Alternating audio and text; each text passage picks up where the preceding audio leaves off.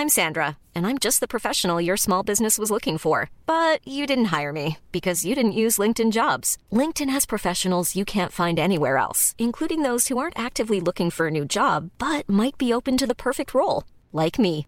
In a given month, over 70% of LinkedIn users don't visit other leading job sites. So if you're not looking on LinkedIn, you'll miss out on great candidates like Sandra. Start hiring professionals like a professional. Post your free job on linkedin.com/people today.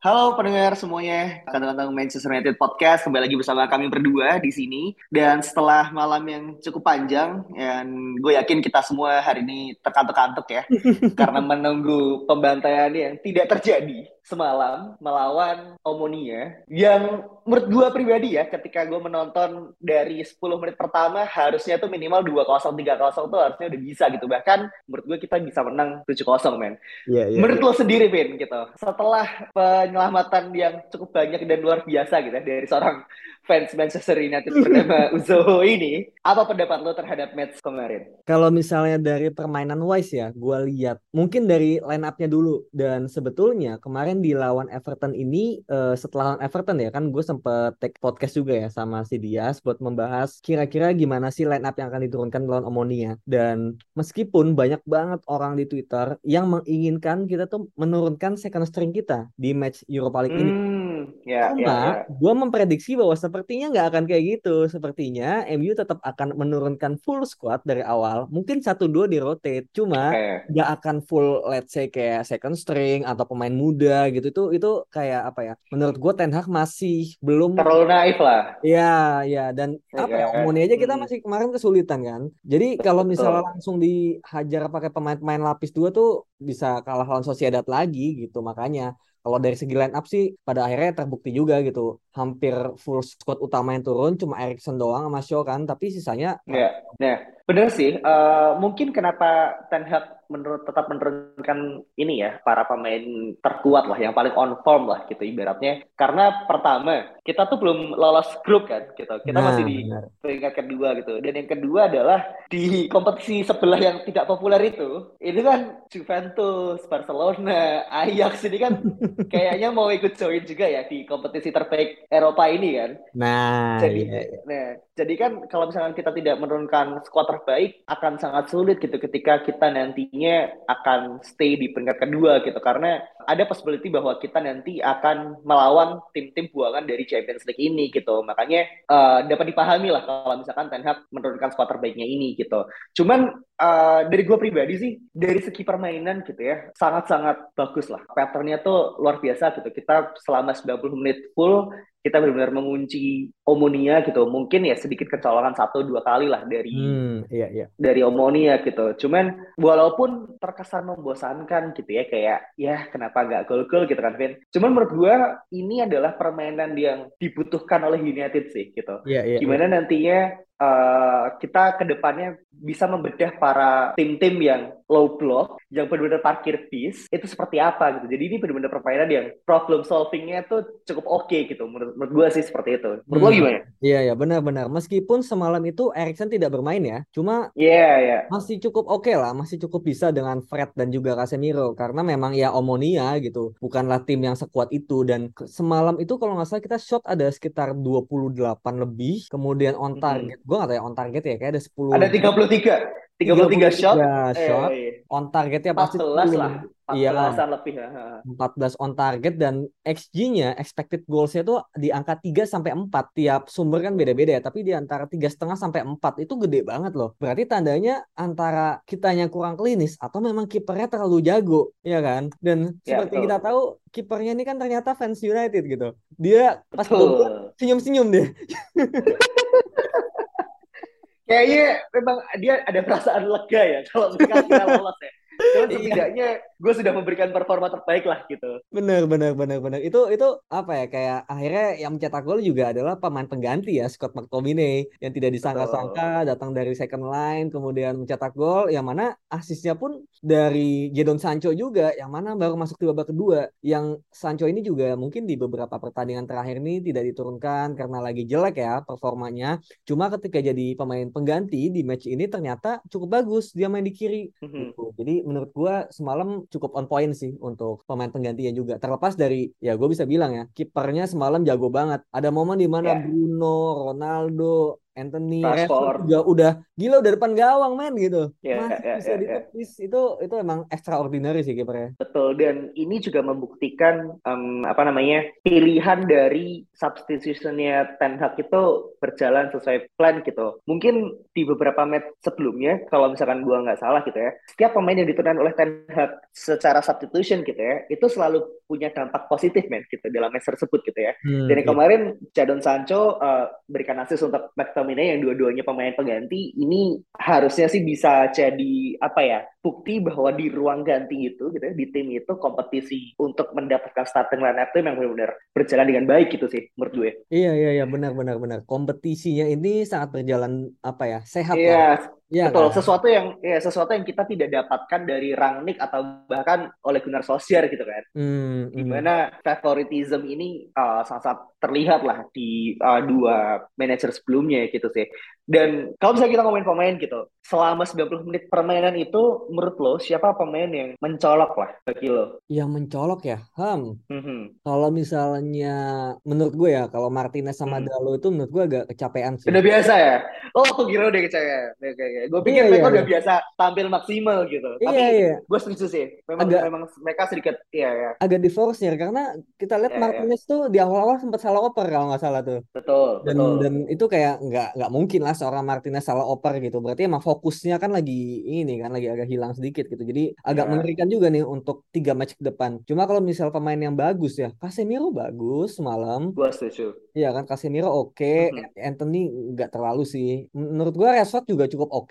Semalam mm-hmm. apa ya kayak dia lagi dalam performa yang oke okay sekarang gitu. Tinggal mungkin menunggu momentum untuk gol atau assist gitu. Cuma gue harus akui Rashford masih di atas Sancho untuk pada saat ini gitu. Ronaldo pun oke okay, gitu. Menurut gua mm-hmm. front four kita ya, attacker kita basically oke okay sih sama midfield. Iya, gue setuju sih. Uh, Dalot, Martinez, betul mereka terlihat cukup kewalahan gitu ya, karena ya mereka sangat diandalkan lah oleh Ten Hag gitu di beberapa match terakhir gitu. Dan untuk Casemiro, betul, gak gantinya gitu. Dan kalau untuk Casemiro sendiri, gue mulai melihat dia sudah cukup pede ya bermain di Manchester. United gitu. Dia sudah mulai mengerti, ya? iya, dia sudah mulai mengerti lingkungannya itu seperti apa gitu. Dan mungkin karena ada faktor Fred di situ yang membantu dia untuk pressing dan cover area, yeah. dia juga lebih bisa progresif nih uh, permainannya gitu kan. Jadi kemarin menurut gue man of the match-nya tetap uh, Casemiro gitu. Hmm, iya iya iya. Selama 90 pertandingan. Ditambah dia Terus juga kalau, ada tendangan kena tiang kan, kenceng banget. Iya, yeah, betul. Yang yang di save kan, itu di save. Oh, di save ya? Oke oke oke. Okay. Itu di save cuy, figuratif oh, di save save-nya si tiang ya. Iyo, figuratif save-nya Uzoha itu.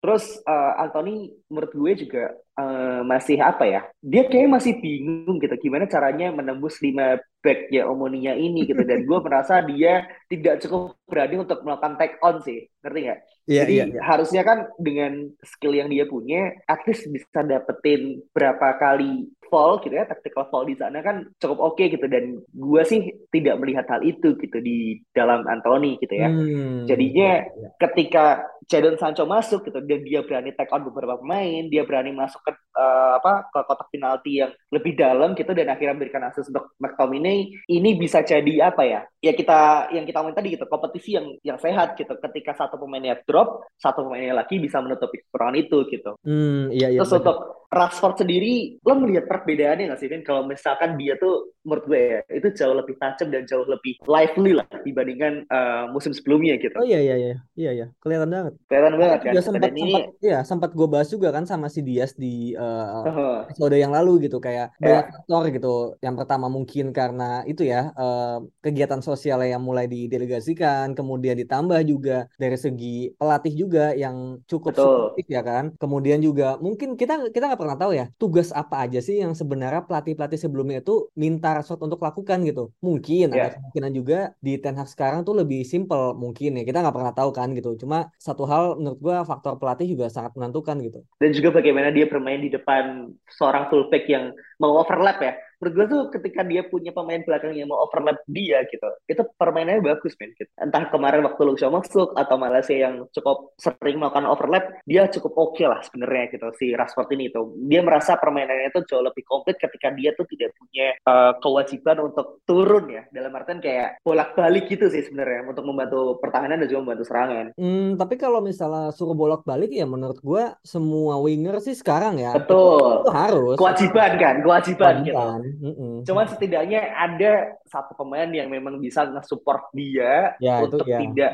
iya kan untuk tidak melakukan semuanya itu sendirian gitu dan gue melihat ketika di masa-masa emasnya Rashford itu kombinasi dia sama Luke Shaw tuh benar-benar oke okay banget sih gitu dan ini yang dicoba untuk uh, yang Ten Hag coba untuk munculkan kembali lah di musim ini gitu. Dan gue bisa melihat hal itu gitu. Mm -hmm, iya iya. Cuma menurut gue ya selain dari masalah teknikal dan juga taktik memang mental itu yang nomor satu yang yeah. dia gitu. Karena gini di musim Ole yang terakhir kalau nggak salah atau di musimnya Rangnick itu Rashford juga apa ya kayak mencoba melakukan take ons dan lain-lain gitu. Cuma nggak pernah berhasil. Tapi kalau yeah. misalnya di tiga ah tiga atau empat match terakhir atau musim ini setiap dia take ons tuh mostly berhasil loh gitu. Dan apa sih yang bikin berhasil gitu? Padahal lawannya juga menurut gue bisa-bisa aja kan untuk menghentikan gitu. Jadi menurut gue lebih kepada um, kepedean dan mentality. mentality state-nya dia tuh memang udah lebih bagus. Karena hmm. dianya nggak mungkin lebih jelek gitu. Dia nggak mungkin menurun kualitasnya. Dia tetap sama. Cuma apakah dia pede untuk melakukan itu? Nah itu kan tugas pelatih untuk meningkatkan mental kan. Dan ya well done sih untuk so far. Ya menarik sih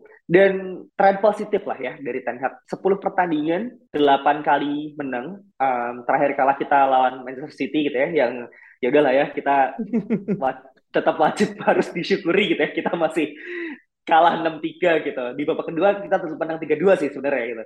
Cuman ya tanggung jawab seorang Ten Hag untuk melakukan tren positif ini akan kembali berlanjut lah di akhir minggu ini gitu melawan Newcastle United gitu kan. Sebuah tim yang akhirnya mungkin mulai menunjukkan tajinya gitu sebagai klub besar. Menurut lo sendiri Vin, apakah kita tetap akan menunjukkan tren positif ini dan ekspektasi apa yang lo punya dan perubahan apa sih yang lo harapkan gitu ya yang kita bisa melihat di Manchester United akhir pekan ini gitu. Menurut gua memang seharusnya MU bisa sapu bersih sih semuanya gitu termasuk melawan Newcastle United juga dengan permainan seperti semalam melawan Everton juga itu dari sisi aliran bola dari belakang bahkan sampai depan juga itu udah bagus. Tinggal masalahnya finishingnya apakah bisa clinical atau ya tiba-tiba kiper lawan menjadi Manuel Neuer ya semuanya gitu.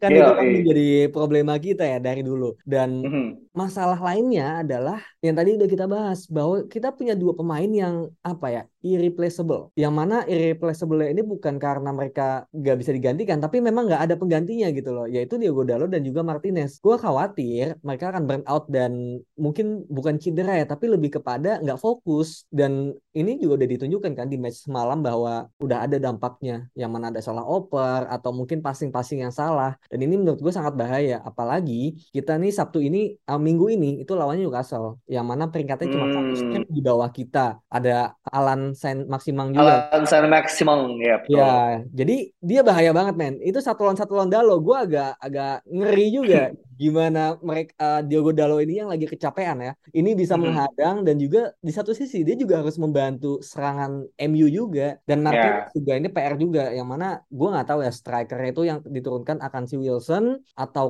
Wood atau ternyata striker barunya yaitu Alexander Isak yang mana dia juga oh, iya, betul golin kan gol Liverpool kan. Hmm. Jadi yeah. ini memang bukan bukan pemain sembarangan. Itu sih dua pemain itu yang yeah. gue concerning. Kalau sisanya gue merasa masih bisa dirotate sedikit sedikit. Iya, yeah, yeah. tapi kalau misalkan tentang Isak ke lawan Liverpool ya harusnya tidak usah dibesar-besarkan ya karena kan Liverpool lagi kalah juga ya. Jadi yeah, ya, ya benar sih. Yang tet yang tetap harus diwaspadai mungkin ya uh, pemain sayapnya sih. Bagaimana nanti Alan San Maximin melawan Dalot atau mungkin um, Wilson ya. Wilson akan melawan Malaysia mungkin maybe atau uh, Luke Shaw dan ini akan menjadi gue nggak tahu apakah ini home atau away ya, Vin ya? Uh, home. Home ya. Hmm. Kembali lagi oh, ke rumah setelah lagi, apa? Satu lagi, Kieran Trippier. Nah, seorang pemain yang gagal didatangkan oleh nah. oleh Gunnar Solskjaer ya. Dan and gue ingat banget match sebelumnya gitu lawan Brentford kalau nggak salah. Mereka menang 7-1 or something. Gue lupa. Dan si Kieran Trippier ini dapat man of the match. Jadinya memang ini sesuatu sesuatu yang harus dijadikan perhatian lebih ya oleh Ten Hag. Bagaimana nantinya pemain pemain depan United ini entah itu Rashford entah itu Sancho entah itu Anthony bisa lolos lah dari jebakannya Kieran Trippier gitu ya. Hmm. dan I think that's all gitu untuk episode kali ini. Dan yang jelas kita tetap harus yakin bahwa bisa harusnya ya top 4 ya. Gue masih gue masih harap-harap cemas sebenarnya karena Brighton juga udah mulai turun gitu kan kalau nggak hmm. salah. Arsenal yang ya lo tahu sendiri ya Vin ya kita iya, Arsenal yeah. Liverpool tetap menang anjing jadi kayak ini godaannya tuh sangat-sangat hebat lah. Yang jelas selama satu bulan ini kita harus bisa raih poin maksimal sih menurut gua gitu. Benar, benar, benar. Dan ya Newcastle ini ya menurut gua apa ya awal dari satu kumpulan tiga match yang sulit menurut gua. Karena Newcastle, mm -hmm. kemudian nanti di midweek kita melawan Spurs. Iya yeah, benar, cuma masih ada Spurs anjir ya, iya, iya. Ya, dan lu tahu weekendnya lawan siapa? Weekendnya lagi. Lawan siapa? Chelsea. Chelsea. Lawan Chelsea. Makanya menurut gua.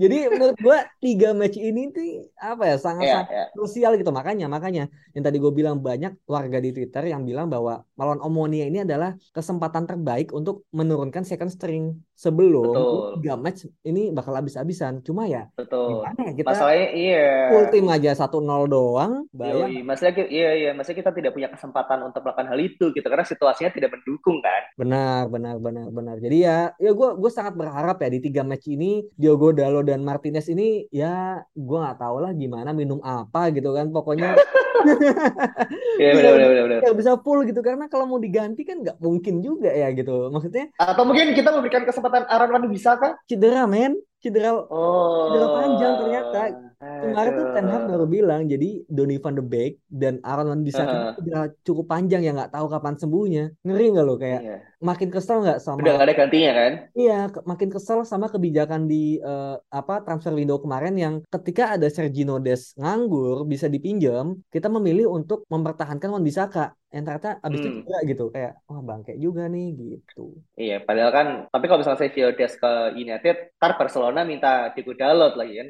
Ini situasi yang cukup sulit dong ya sih? Iya sih benar-benar kalau dalam awal musim ini udah jadi hot prospect nih. Iya iya iya iya benar benar benar. Itu sih paling ya kita kembali lagi di episode selanjutnya. Dan kalian bebas untuk komen apa aja nanti di Twitter kita mention apa pun yang nanti ingin kalian bahas. Dan sampai jumpa di episode 再见拜拜。